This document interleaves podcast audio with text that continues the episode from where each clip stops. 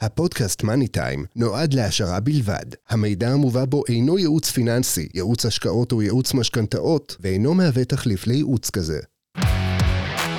מאני טיים, הפודקאסט הפיננסי של צחי גרוסמן. שלום לכולם, צחי גרוסמן, יועץ משכנתאות ומומחה לבנקים. היום אנחנו נמצאים ב-19 בדצמבר, שנת 23. בימים אלה מסתכלים על סוף שנה, שנת המס של הכסף שלנו. ובשנת המס, כל אחד צריך לעשות את החישובים שלו, מה אפשר, מה אי אפשר, איך אפשר לעבור את התקופה הזאת. עברנו שנים מטלטלות לאחרונה, ולא כל אחד יודע מה לעשות בענייני חישובים כאלה. ולכן, רציתי לתת לכם טעימה, רק טעימה, אני לא מתעסק עם זה ביום-יום, אבל רציתי להזמין לכם חבר יקר, אבי רוזנבאום. שלום אבי. שלום צחי. קודם כל, תודה רבה שהצטרפת אליי לפודקאסט. תודה לך שהזמנת אותי. אז עכשיו, אני רוצה לעשות drill down לנושא החזרי מס. בסופו של דבר, כאשר על האדם הפרטי, אם אני בעלים של עסק, יש לי רואה חשבון. נכון. והוא אמור לדאוג לי. נכון. ולפעמים הוא גם עושה לי התאמות בשביל אשתי, נכון. בין אם אני עצמאי או בין אם אני בעל חברה. נכון. אבל בעצם יש עולם שלם של שכירים שמקבלים תלוש, ובטוחים שמה שכתוב בתלוש זה אלוהים ראה חיים. וקדש. ראה וקדש, אין בכלל על מה לדבר. לגמרי, אין עוררין. אין עוררין.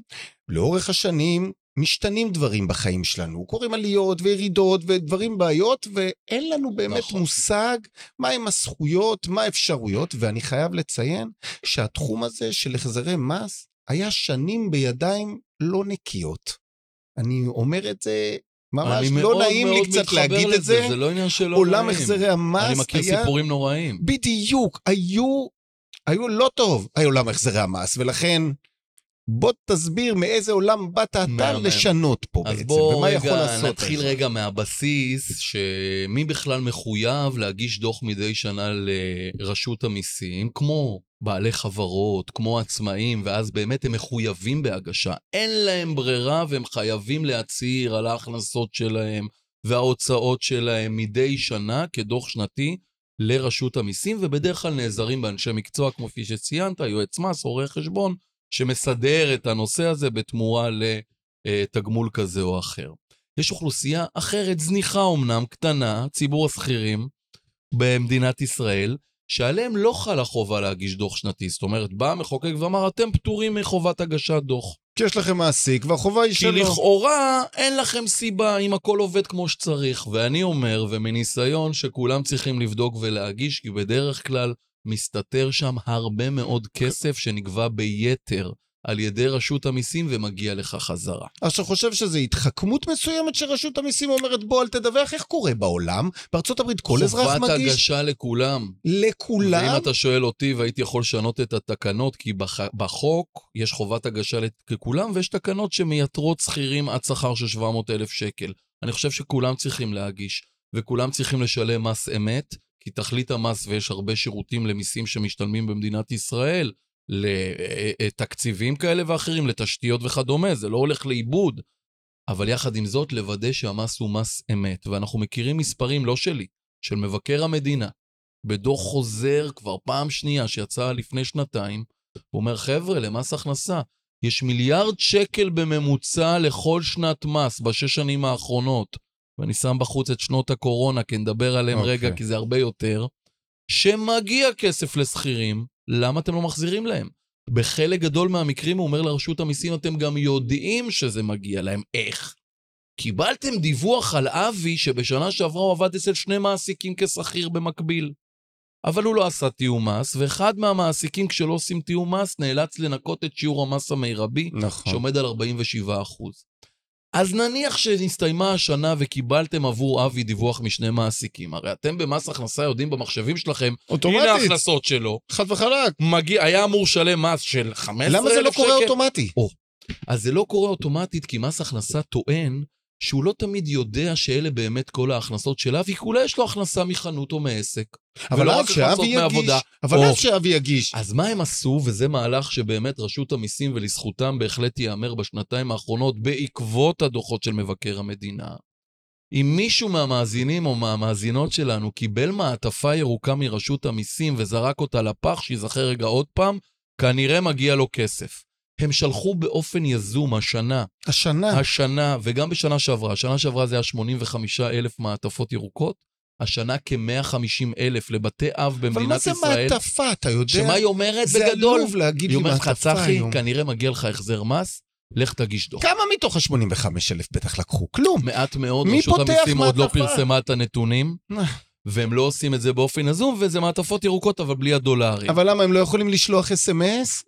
מגיע לך כסף, בוא תפנה המון אלינו? דברים, המון דברים, יכולים גם להנגיש ולהקל על התהליך. כלומר, לעצם זה שהם פוטרים אוכלוסייה ענקית מצורך הגשה, הם בעצם מבינים כנראה שזה רווחי להם. Mm, זה לשני הצדדים, אבל. לשני הצדדים. כי יש גם- אנשים שמצהירים באותה מידה לשני מעסיקים שזה מעסיק יחיד ונהנים מכפל נקודות זיכוי שזה מעין בונוס שנותן מס הכנסה על המס. אה, אז אני נוטה להאמין שתום הלב וחובת האמון של הרשות, רשות המיסים, שהיא רשות מינהלתית, היא זאתי שעומדת לנגד עיניה, ויחד עם זאת, מבין שאנחנו במדינת ישראל, ולא תמיד, גם כשרוצים, אפשר לקצר תהליכים ולהנגיש דברים מסוימים, כמו שעשינו בטקסון לציבור הרחב, כדי כן לאפשר את מיצוי הזכויות, אוקיי. וכן לבדוק אם מגיע לי או אז לא. בעצם למה אנשים לא הולכים למצות את הזכויות בעיניי? פחד. פחד, פחד. שלום. משתק אותם. אנשים מפחדים שמס הכנסה יגלו שאיציק ביציק, אני חייב לו. אני חייב, ואולי לא, ולא מדובשך הפחד ולא מעוקצ- בדיוק. מעוקצך. אז עכשיו, מפחד ממס הכנסה אתה לא מגיש, ומחוסר הבנה אתה לא מגיש, ואם אתה פנית או שמעת דיווחים בתקשורת על החזרי מס מאנשים אחרים, הבנת שעובדים על אנשים. לגמרי. אז אתה אחורה, אתה לא עושה כלום, והלך כסף. אז בוא נדבר רגע על מה שהתחלת, שוק החזרי המס לאורך שנים, ורוב השחקנים בשוק הם הוגנים ונכונים וטובים, וכמו בכל מקום, יש את אלה שיוצרים את כל הדבר הרע עבור כל השאר. חד אותו, וחלק. אותם תפוחים רקובים שאת כל השק הטוב אחרי זה גורמים לו להירקב. זה שוק שבגדול עובד בתעשייה היום בתמחור של אחוז מתוך ההחזר. אחוז גובים- מתוך הסכום זה שמחזירים לך. יכול לנוע בין 10% לכל הפחות, ועד ראיתי גם 30% ויותר מתוך הסכום שאתה זכאי לקבל אותו חזרה. כלומר, אם אני מקבל על מה שהם הגישו כ-30 אלף שקלים, ולרוב... שלם 10% בין 3,000 ול-30% ל-9,000 מתוך זה. אבל איפה לרוב אני? אני לא משלם מקדמה, אז אנשים אוהבים את זה. אז יש דמי פתיחת תיק לפעמים, ויש לא, תלוי נורא למי אתה הולך, ויש רואי חשבון שעובדים על fixed price, ולא על אחוז מתוך ממ. ההחזר, וזה כמה אלפי שקלים טובים. אבל איפה הבעיה בתחמנות שהייתה, או שיכולה להיות בשיטה? שיש לצערי שחקנים שבוחרים לנפח תאורטית את החזר המס, ולדחוף דברים שלא באמת היו קיימים, כמו תרומות שאין לך, כי כשאני מתוגמל על גובה ההחזר שלך, אז מתאים לי שתקבל היום 20 אלף שקל, אולי עם קבלות לא נכונות כי ניפחתי את זה, אוי ואבוי. ואני אקבל, ובעוד שנתיים כשיחזור אליך מס הכנסה בביקורת ויגיד, היי, צחי, אתה הגשת וזה לא באמת, ואתה חייב לי למס הכנסה 10,000, וואו. הוא כבר נעלם, זאת ואני אומרת, מס מכיר... הכנסה ממשיך עוד ואני לבדוק מכיר אותי. באופן אישי עקיצות כאלה, אפילו באחד מסניפי הבנק הכי גדולים בארץ, וואו. לעובדים שהגיעו ועשו להם את זה. אז קודם כל, האחוז מ... שברנו את השיטה. בואו נתחיל מזה. מעבר למה אנחנו חושבים ומאמינים בלהנגיש שירות לציבור רחב, אני לא מאמין שצריך לשלם אחוז מתוך ההחזר. זה לא משנה באמת תהליכית אם יצא בסוף 80 אלף שקל החזר מס או 10,000. זה כן משנה אם אתה יחיד או זוגי, כי זה שני דוחות או דוח אחד וכדומה, ולכן גם התמחור שלנו הוא תמחור מאוד מאוד הוגן, הוא מחיר קבוע וידוע מראש. אבל איך הוא קודם כל פותר את הרצון, את, ה... את הורדת הפחד. החשש מהפחד. אז בוא כי נדבר על הפחד, ממה. מפחדים, ממה נפשך, כמו שאומרים. שיגלו שאני חייב יותר, שיגלו שאני שאני חייב, צריך לשלם בסוף. שלא יגלו שזה. אז קודם כל, איך פותרים את זה? מייצרים בדיקה מחוץ למערכת. בדיקה שהיא אנונימית לצורך העניין בתוך מס הכנסה.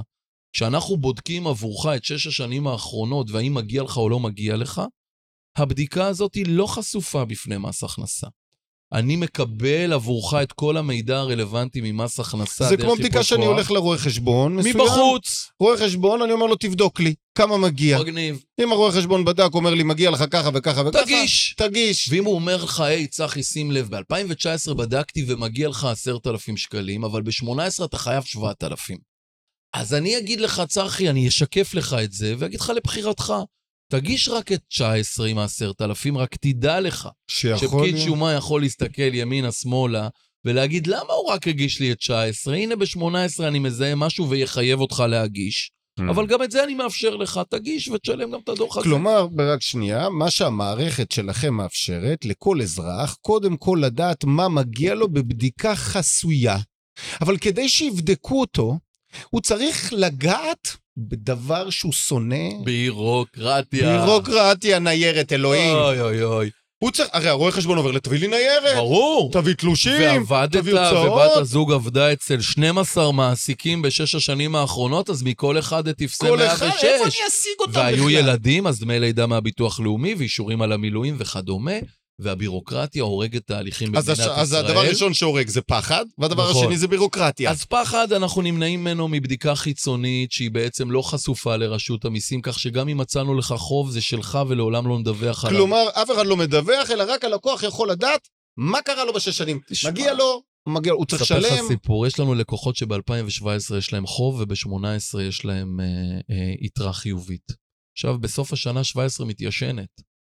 אז אנחנו אומרים להם, חבר'ה, תחכו קצת. היא מתיישנת כי עברו הסיכון?" שש שנים. נכון. עליכם להבין שמותר לנו לקבל החזרי מס שש שנים אחורה. לטוב ולרע. כלומר, בסוף החודש הזה איבדנו את שנת 2017. נכון, אבל אם יש לי חוב ב-17 ואני אחכה להגיש את 18 שיש לי בו יתרה, בתחילת 18 כבר פקיד שומה לא, יחזור, לא יכול לחזור אחורה. אה, אז יכול להיות לי לשני יתרון. הצדדים. נכון. עוד יתרון, אגב, בהחזרי מס שלא מודעים אליו, את הכסף מקבלים, זו תוכנית חיסכון מדהימה, 4% צמוד. אה, כלומר, מה שהם חייבים לי, הם עוד גם צריכים להצמיד 4% לי. לא רע פשוט בכלל. לא רע בכלל, מובטח לא. על ידי המדינה. נכון, אבל אני איפה- רוצה את זה אצלי, אני לא אבל רוצה את איפה זה אצלם. הבעיה שתיארת, צחי? הבירוקרטיה, וכאן עשינו מהלך מדהים, שבא ומייתר ממך את כל הצורך לרוץ בין כל המעסיקים לשעבר שלך, ולביטוח לאומי וכדומה. כי באמצעות ייפוי כוח למוסד לביטוח לאומי ולרשות המיסים, המערכת שלנו יודעת לאסוף את המידע ברמה הטכנולוגית, באופן דיגיטלי, מבלי שאתה תצטרך להביא לי שום דבר, את כל טפסי 106 שלך ושל בת הזוג. וואו, כלומר, אתה מביא ואת הכל. כל המידע מהביטוח לאומי שרלוונטי להחזרי מס. זאת אומרת, חוץ מלתת לכם את ההרשאה, אני לא צריך לעשות כלום. בערך, כי אם אתה אומר לי, אבי, תשמע, אין לי ביטוח חיים, אין לי הפקדות לקופות גמל עצמאי, אני לא גר ביישוב מזכה, לא תרמתי, אין לי נקודות זיכוי מיוחדות, אז אתה צודק. אל תעשה כלום, אני אעשה לך לבד את כל החישוב. אבל אם למשל, יש לך משכנתה, ועל. המשכנתה ולרובנו יש, או ביטוח חיים לא קשור למשכנתה, ואתה רוצה ליהנות עליו לקבל החזר מס, כי זה שווה בשנה 1,500 שקלים החזר מס, אותו ביטוח חיים, בכפוף לתקרות וכדומה. כן. אז אני צריך שתעביר לי את האישור השנתי לתוך האזור האישי שלך המאובטח במערכת, לפני שאתה מעביר לי לבדיקה, כי זה לא מידע שאני יודע להגיע אליו היום. או אם ברמת- שילמת מס רווחי הון על- על התיק השקעות שלך. אבל כשמתעסקים עם אתר אינטרנט, אין דיאלוג, אין מישהו שיסביר לי את מה שאתה אומר. המערכת מספיק... אז עשינו משהו ממש הפשוט? ממש מגניב. אמרתי את זה בזמנו אה, לרשות המיסים, שאני חושב שעשינו משהו שהם היו צריכים לעשות כמדינה, כי הוא כל כך נגיש וכל כך ברור, וברמת על כל דבר, מסמכים לדוגמה, ומידע, ויש שירות לקוחות כמובן גם אונליין, שאם אתה הסתבכת. אבל כשאני אומר, מדבר על לקוח דיגיטלי, ונתון מדהים הוא 60, 60% מהלקוחות שלנו זה אותו 1980 עד 2000, חבר'ה צעירים. לא. זה נתון מאוד מאוד מדהים, כי הם מדברים דיגיטל, מאוד קל להם לצרוך שירותים פיננסיים, והם עוברים את זה בצורה קלה. אז זה נכון שגברת כהן מחדרה, שאם היא בת 65 ותנסה להשתמש במערכת דיגיטלית, יכול להיות שיהיה לה קשיים והיא תצטרך תמיכה. או, ובואו נרד פה לנקודה. הדור היותר ישן לא עשה כנראה את החזרי המס. נכון. הוא עוד יותר חשש ממס הכנסה. הדור של בעצם 1980 עד 2000 הוא דור שהיום הוא זה שעובד, הוא זה שמשלם את הרוב המס היום, מס הכבד עליו, הוא צריך למצוא כל דרך לקבל אז אני החזרים. לא יודע אם את רוב המס הוא משלם, כי הכנסות עוד יחסית נמוכות והקום השכר מתפתח עוד בציר 40? הזמן. 40 הם כבר מגיעים לפיק יפה, אבל יפה. החבר'ה בני ה-30 וזה, תראה מה מעניין אצלם, כשאני בודק אצלם 6 שנים.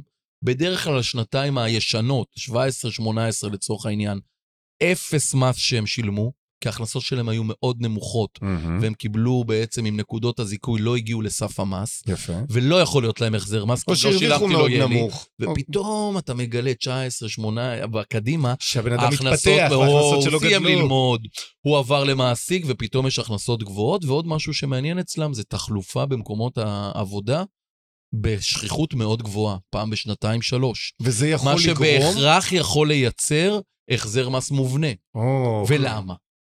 כי בעצם מתי מקבלים החזר מס? אז רגע, אולי קצת נתונים סטטיסטיים מלמעלה.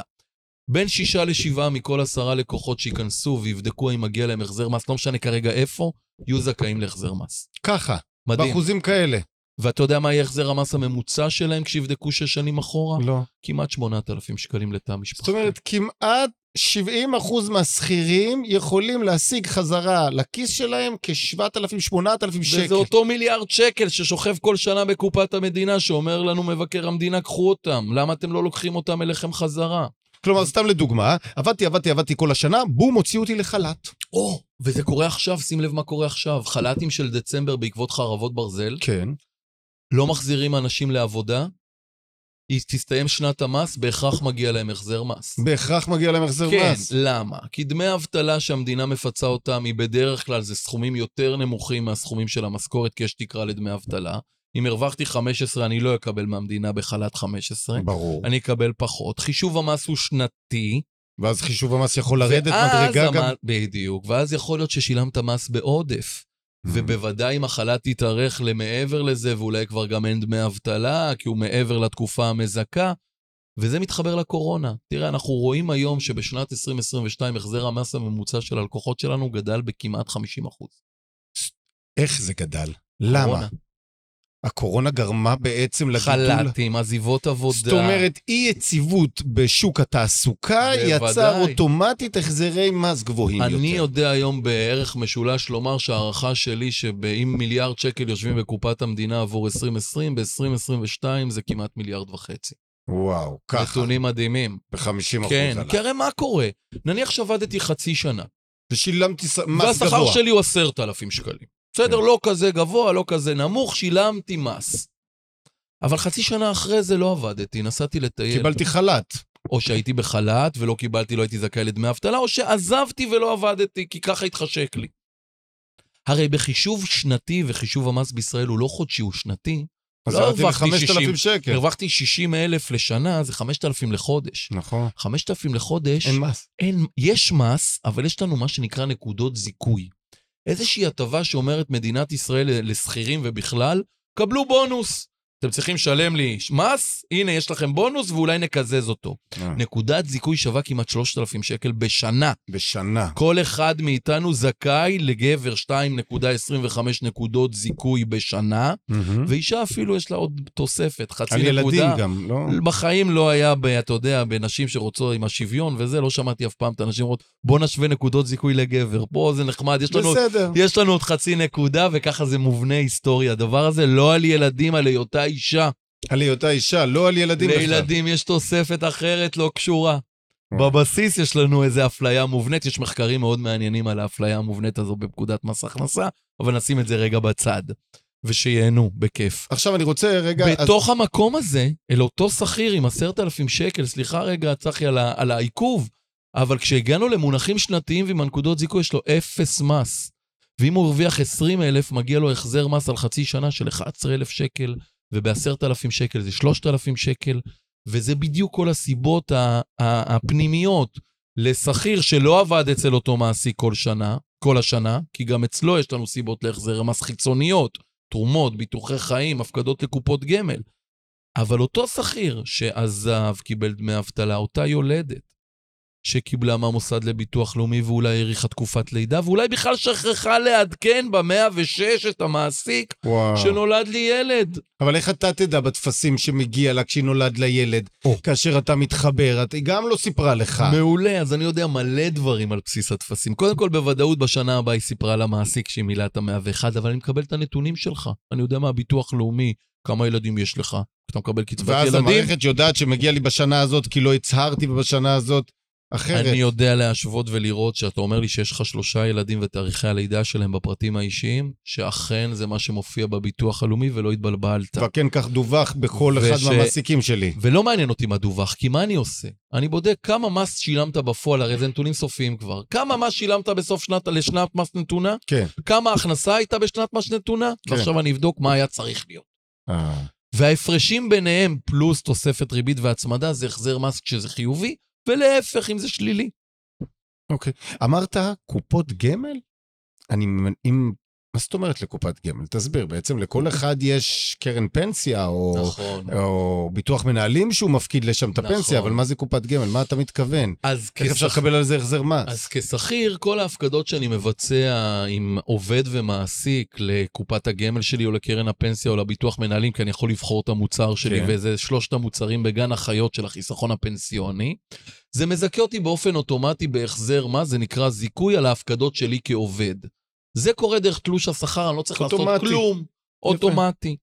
יחד עם זאת, מדינת ישראל שרוצה לעודד חיסכון ארוך טווח ולהגדיל את העתודות שיהיו לנו לקראת פרישה וכדומה, נותנת לנו הטבה שבעיניי לא מנוצלת היום, וזה לא רק שהיא הטבה מדהימה, היא תשואה מובטחת של 50% מהמדינה על הכסף. תסביר, תסביר. אוקיי. אני שכיר, משתכר עשרת אלפים שקל בחודש. על זה המעסיק משלם לי כל חודש פיצויים, תגמולים לקרן הפנסיה כן. שלי, נהדר. אבל מה קורה איתי באמת? יש לי עוד מרכיבים בשכר שעליהם המעסיק לא משלם לי לפנסיה. למשל, שעות נוספות משתנות, בונוסים. דמי הבראה, בונוסים, כל אחד והחבילה שלו. בסוף זה כסף שנכנס לתא המשפחתי והוא חלק מרמת החיים, אבל הוא לא יבוא לידי ביטוי בפנסיה, כי נכון. מפקידים לי רק על עשרת אלפים. אבל בוא נניח שבפועל, לצורך ההמחשה בלבד, ההפקדה של השעות הנוספות שלי שלא מזה, זה 3,000 שקל בחודש. זה השווה ערך. זאת אומרת, יש לי בעצם 13 ברוטו, 10 לתנאים סוציאליים, 3,000 לא. אומרת מדינת ישראל, אם אתה, צחי, רוצה על ה-3,000 האלה, זה נקרא שכר לא מבוטח, אוקיי. להפקיד באופן עצמאי לקרן פנסיה, פוליסת ביטוח או קופת גמל, כל אחד עם היתרונות והחסרונות שלו. לא אז- נדבר על זה רגע. אז הבן אדם הפרטי יכול אתה יכול להפקיד. להפקיד כמה? 16 אחוז, זה בכסף מ-3,000 שקלים, מהר אני אעשה לכם 480 שקל בחודש, אוקיי. בערך 6,000 שקל בשנה, ותראה מה אתה מקבל בחזרה. בגדול אתה מקבל שליש מההפקדה שלך בחזרה כהטבת מס, שזה בכסף בערך מ-480 שקלים, 160 שקלים. כלומר, עכשיו תשים לב מה גם קרה. פה יש פה הטבת מס. מדהימה, ולמה זה 50 אבל אחוז תשואה? הסיכוי, מי משתמש בזה? נדיר, אני לא שמעתי אנשים מלא עושים את זה, וצריכים לעשות את זה הרבה יותר, אבל תבין מה קורה במונחי כסף. הפקדתי 300, זה עלה לי בעצם 320 שקל, נכון? נכון. קיבלתי, כי האם יש... קיבלת 160 שקל חזרה. כמה יש בקופה? 480. כדי נכון. להגיע מ-320 ל-480 זה כאילו, כי עשיתי עכשיו 50 אחוז תשואה. בחודש, בשנייה. זו הטבת מס מטורפת מובטחת מהמדינה. זה נכון שהכסף הוא לפנסיה, ויכול להיות. שזה פחות מתאים לי, ויכול להיות שאני רוצה לייעד את זה אולי אבל אם. עשיתי את זה, אני חייב לעשות את ההחזרי מס ולקבל את הכסף חזרה. אז גם. כאן אתה יכול לפנות למעסיק שלך בשנת המס השוטפת, ואם החשב החביב יהיה חביב, הוא יכול לעשות את זה בתלוש. אגב, אם לקוח החליט, הוא קיבל את הדוח ממך, ראה את הנתונים, אמר יופי, יאללה ביי, תגזגז, אני הולך לבד. הוא יכול לעשות את זה? אז תראה, התפיסת עולם שלי, צחי, באה ואומרת להיות שקוף, שקוף, שקוף. אגב, מה תפיסת העולם של מס הכנסה? היא לדעתי זהה, רק שהם לא יודעים ליישם אותה. והם מוכנים שבן אדם יבוא אליהם? בוודאי. איך אפשר להגיש היום דוח? אתה יכול באופן עצמאי. יש לך סימולטור במס הכנסה גם אנונימי שמחשב, הוא קצת מורכב, אבל אתה יכול להגיש באופן עצמאי את הדוח. אתה יכול להשתמש בשירותים של חברות להחזרי מס, דוגמת טקסון, או ברואה חשבון או יועץ מס. הכל פתוח. מה שאנחנו בחרנו לעשות כדי באמת לאסוף את הכסף מהרצפה לכמעט שני מיליון שכירים, בוא, אנחנו מדברים וואו. על כאילו כמות לא נורמלית של שכירים. בהחלט. וקודם כל לאפשר כניסה למערכת ללא התחייבות, ללא עלות, חינם. עד מתי? עד שקיבלת את התוצאות. כלומר, כל אחד יכול להזין את הנתונים, לתת לכם את, ה, את היפוי כוח, את ההסמכה, אתם מוציאים את הנתונים, אתם פונים, מוציאים את הדוח, את הסימולציה מרשות המיסים, זה הכל אנונימי, יש תוצאה, יש טבלה, אתה בשנה הזאת חייב, בשנה הזאת מקבל, תוסיף כדאי, לא לי את כדאי. הביטוח חיים, את הכל, אני אבדוק ויגיד לך, בשלב הזה לא שילמת כלום, ועכשיו הנה הישראלי שאומר, אני אדפוק את המערכת. לא בא לי לשלם לאבי 200 שקלים על נכון, הדוח. אני רוצה את המידע רק, שיעזרו לי להבין. קיבלת אותו ממני במתנה. קח. אותו, ביטוח לאומי, מס הכנסה, תעשה את זה לבד. כלומר, קודם כל. המערכת, היא מספקת לאזרח ב... בשקיפות מוחלטת ממש. מה מצבו. ממש, כולל אוקיי. המסמכים. פנטסטי. כי... ובלי בירוקרטיה, הורדנו פחד, הורדנו בירוקרטיה, ממש. יופי. קיבלתי את התוצאה, החלטתי שאני לא משלם לאף אחד שקל, לא מהמם. יוצא פראייר. מהמם. מה אני צריך עושה לעשות? לבד. קח, תדפיס טופס שנקרא טופס 135 של מס הכנסה. אוקיי. זה טופס מקוצר לשכיר. להג- להחזר מס. תדביק פנימה פשוט את השדות. אם כתוב שדה 258 וזה הכנסה החייבת מטופס 106 שלך אתה או צריך של בת למלא הזוג, טופס כמו שצריך. אתה צריך למלא את זה כמו שצריך. הטופס מורכב? הוא לא מורכב, אבל אתה יודע איך זה בחיים. אם חם לך אם אתה יושב על התנור או ליד התנור. זה הכל שאלה של היכולת שלך להתמודד עם זה. אנשים נאטמים באופן שיטתי כשמדובר במספרים. מאוד אבל קשה בוא לרוב נלך על הציבור. מי שנלחם. לקח את הטופס. פשוט, קל, תגיש אותו למס הכנסה, תחכה. מה זה תגיש? בדואר? אז במייל? תראה, ללכת? טופס 135, המקוצר, אי אפשר לשדר אותו באופן מקוון. אה, צריך להגיש אותו או דרך מערכת שנקראת מפ"ל, מערכת פניות לציבור שהיא דיגיטלית. איך הוא מגיע למפל הזה? מגישים באינטרנט? מפ"ל באינטרנט, אז כן יכול להגיש מהאינטרנט. אבל זה לא משודר, זאת אומרת שזמן הטיפול הוא קצת יותר ארוך בפקידי שומה מטופס שמשדרים אותו מקוון. בסדר, נגיד יש לי אבל זה זמן. פשוט, או להגיש את זה בפקיד שומה, לקבל העתק, נתקבל פיזי ונגמר הסיפור. מה זה להגיש לפקיד שומה? לגשת בשעות? העבודה, מקבלים חותמת אי אפשר נתקבל. אינטרנט? מייל? אינטרנט, מערכת המפ"ל. אוקיי. שתי אפשרויות, פיזי, מערכת מפ"ל. יאללה. אגב, גם פקידי שומה בתפקיד שלהם יכולים לסייע לך למלא את הטופס הזה. כלומר, אם אני זה מגיע למס הכנסה. הוא צריך לקבל אותי. הוא אמור לסייע לך גם למלא את הטופס, בוודאי. Mm, אוקיי. אם זה יקרה או לא זה כבר סיפור אחר, כי תקינה אין ממש הרבה תקנים במס הכנסה, זה בעיות אחרות. ברגע שהגשת, עכשיו תספור. זמן. כמה זמן? בגדול עד שנה. מה זה שחשוב רגע זה שומה. מועד ההגשה. אתה לא יכול להגיש את דוח אני על 17 עכשיו. בינואר. אני. היום יכול להגיש את 17. בטח. אבל לא אקבל תשובה. לא. אתה תקבל את התשובה כשפקיד השומה יסיים, זה נקרא לתקצר את הדוח שלך. פקיד שומה אמיתי פותח או מחשב? פקיד שומה. פקיד שומה אמיתי, כמו פעם. מוציא את הבקשה, עובר עליה. מקליד אותה למערכת של מס הכנסה, וואי. מוודא שהנתונים תקינים, ואם יש החזר, הוא משדר אותו בעצם לחשבון הבנק שלך ישירות. ההחזר לא מגיע לאף מקום אחר, אלא רק לחשבון הבנק. של הלקוח. גם זה בעבר היה מתכון לבעיות לפני עשר כי זה היה שנים. חוזר למעסיק, היו הוא לא רצה מייצגים, לשלם לא, לי. לא, לא, לכאלה של החברות, של 10, 30 אחוז שאפשר היה לקבל אליהם את ואז הכסף. הם לוקחים את כל הכסף. היו לוקחים חלק, אולי חלק לא, הרבה בעיות לפני, לפני. עשר שנים, אי אפשר יותר. רשות. המיסים עשתה מספר מהלכים כדי לחזק את האמון בתהליך. חשוב מאוד. כסף ייכנס אך ורק לחשבון הבנק של הלקוח, אוקיי. במישרין. אז אם הלקוח הלך פיזית, הגיע למס הכנסה, לפקיד שומה, קבע תור, ישב, הגיש לו. מהמם. אחר כך, לנצור עכשיו. ספור זמן. ספור זמן. בגדול עד שנה, בדרך כלל זה הרבה יותר מהר. עד יש לנו, שנה. אתה יכול להיכנס לאתר של טקסון, עשינו סטטיסטיקת פקידי שומה. לפי כל פקיד שומה, כמה זמן לוקח בממוצע. אילת, אשקלון, המצב מזעזע. פקיד שומה, שו. זה יכול להגיע 150 יום. יואו. כן, אבל זה ככה. ארבע צמוד, הכל בסדר, צחי. אני לא אם זה מסכים, אני רוצה זמן. שירות מה... הם מתחייבים לעד שנה. הציבורי. זה בגלל שאתה לא מחויב בהגשה. וזה גם כאשר אתם מגישים, זה לא משנה עכשיו אם... כשאני מגיש זה יותר קצר, כי אני משדר את הדוח לפקיד שומה, בדוח שהוא לא 135 אתה בעצם המקוצר, ממלא לו את ה... אלא המורחב יותר של מחויבי הגשה, אבל אותו אפשר לשדר. וכשאני פקיד שומה מקבל דוח משודר, אני לא צריך להקליד נתונים למערכת. הם כבר אוטומטית נשפכים לי לתוך מערכת מס הכנסה, וכל מה שאני צריך להסתכל שזה בסדר. יפה. ולכן זמן ההחזר הוא הרבה יותר קצר מדוח רגיל. עלות של דבר כזה? של בדיקה... לא, אמרנו בדיקה חינם, אבל אם החלטתי הבדיקה היא שבסוף- חינם, העלויות הן מאוד שאתם- זולות. עודף מ-200 שקלים להחזר עד 3,000 שקלים. וואו. באמת, עלויות מתוך מטרה, א', שיהיה אה, שימוש נרחב במוצר הזה, כי הוא באמת מיועד לציבור רחב, וב-wishful thinking שלי, כל השכירים יש להם רואה חשבון שנקרא טקסון, ולא, הם לא צריכים, והם ממצים כל שנה את הזכויות, ומה שיפה גם שאני עושה בדיקה אקטיבית כל שנה באופן יזום. אה, אוטומטית אחר כך. ממשיך. כוח הם לשנתיים, אז כשתגיע שנת 2024 ונקבל מידע על 2023, אני אגיד לך, צחי, קיבלתי. את המידע, בוא תוסיף לי אם יש לך תרומות, השנה זה יהיה מאוד שכיח. ביטוח חיים. ביטוח חיים, תרומות שמזכות ב-35%, נכון.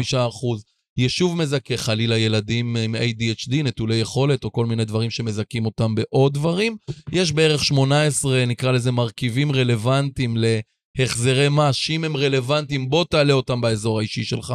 סיום עבודה, מאוד יכול להיות רלוונטי להחזר מס על הפיצויים שמעסיק היה אמור לשלם לך, כי הוא צריך להשלים לך בסיום עבודה, ולא הבאת לו אישור, ורובנו לא מביאים, ניכו לך 47 אחוז.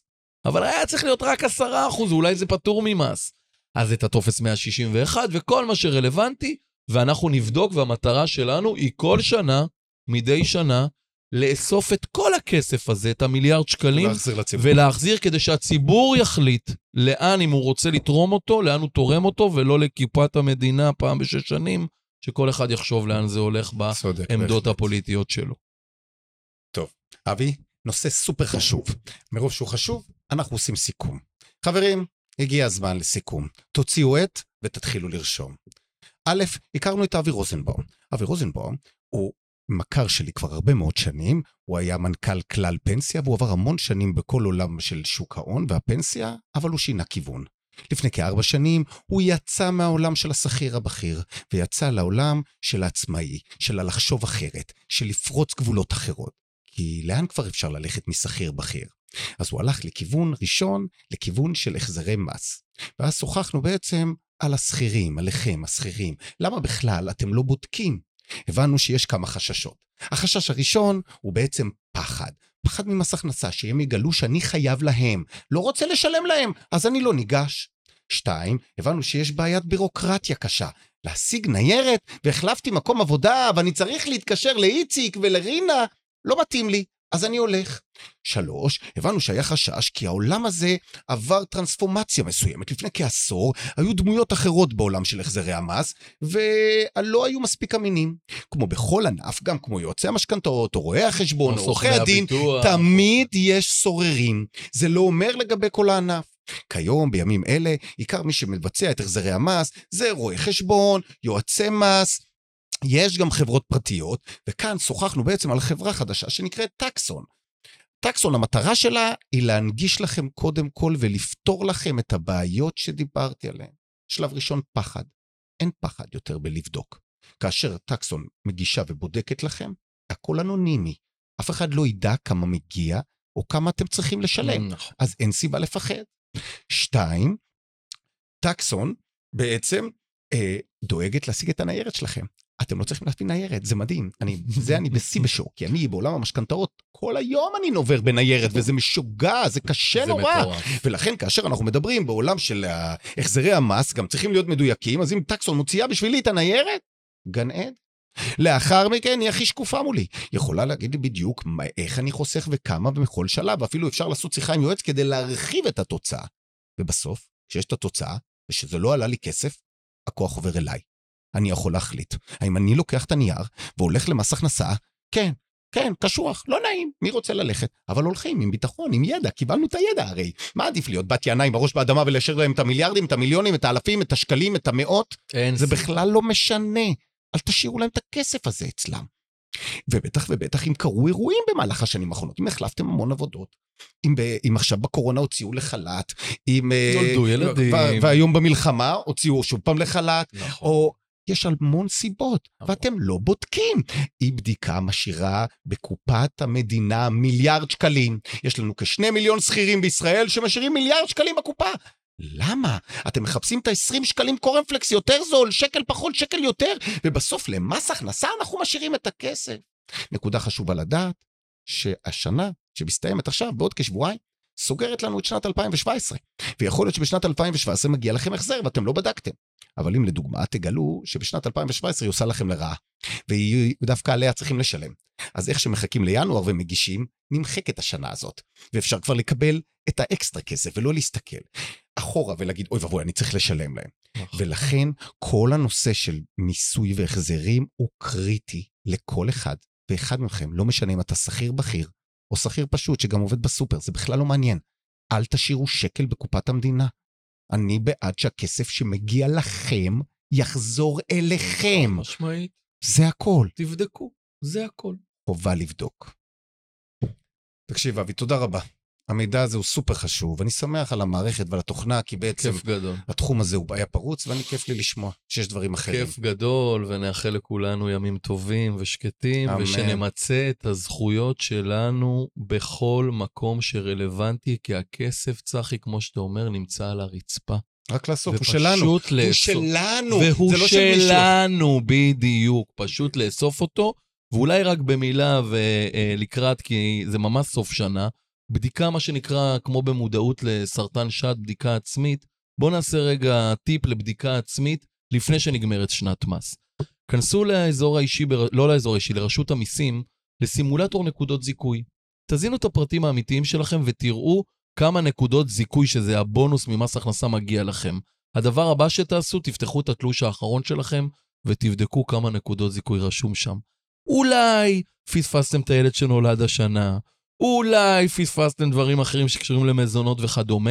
כל עוד זה באותה שנה, ותגשו מהר מהר לחשב השכר ותגידו לו, היי, היי, היי, הנה 101 מעודכן, יש לי עוד ילדים, תקבלו את הכסף עכשיו חזרה, לא תצטרכו לעשות החזר מס. יפה. זו בדיקה ששווה כל שנה לעשות אותה, בטח בסוף שנה.